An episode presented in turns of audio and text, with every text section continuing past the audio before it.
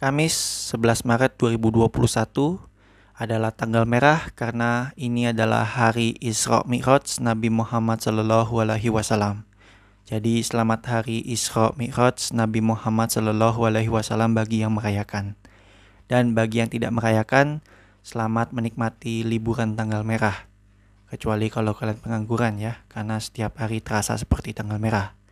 Tapi kalau kalian tidak merayakan dan kalian masih harus bekerja pada tanggal merah, silakan. Saya juga tidak punya hak untuk melarang.